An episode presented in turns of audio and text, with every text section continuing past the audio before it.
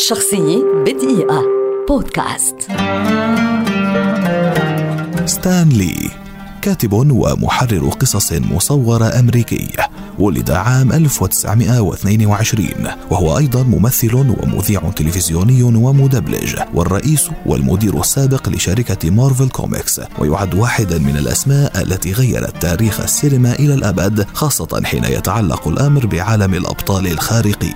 منذ التسعينات أصبح لي الناشر والمدير في شركة القصص المصورة وقادها من قسم صغير في شركة ناشر إلى أن تكون شركة كبرى متعددة الوسائط وقام بالاشتراك مع العديد من الكتاب من أشهرهم جاك كيربي وستيف ديتكو وأخيه الأصغر لاري ليبر في صنع العديد من شخصيات الأبطال الخارقين المشهورة أمثال Spider-Man، X-Men، Hulk، Iron Man و Thor وغيرهم من الشخصيات الخيالية. وكان لي رائدا في اتخاذه منهجا أكثر تعقيدا في الستينات والسبعينات لتأليف الأبطال الخارقين وتحدى وقتها معايير هيئة لوائح القصص المصورة ما ساهم بشكل غير مباشر في تحديث سياساتها. فازت أعماله بالعديد من الجوائز مثل جائزة Eisner والتي تمنح لكتاب القصص المصورة الأمريكية وتلقى الميدالية الوطنية للفنون عام 2008 انضم لي إلى DC Comics الشركة المنافسة لمارفل للمرة الأولى في مسيرته الإبداعية عام 2000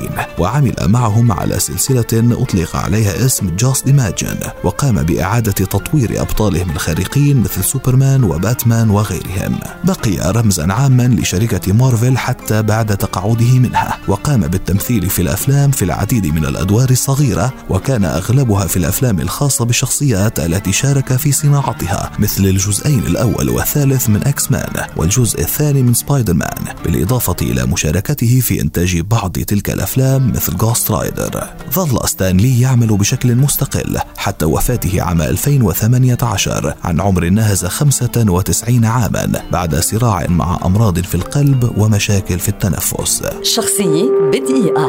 بودكاست.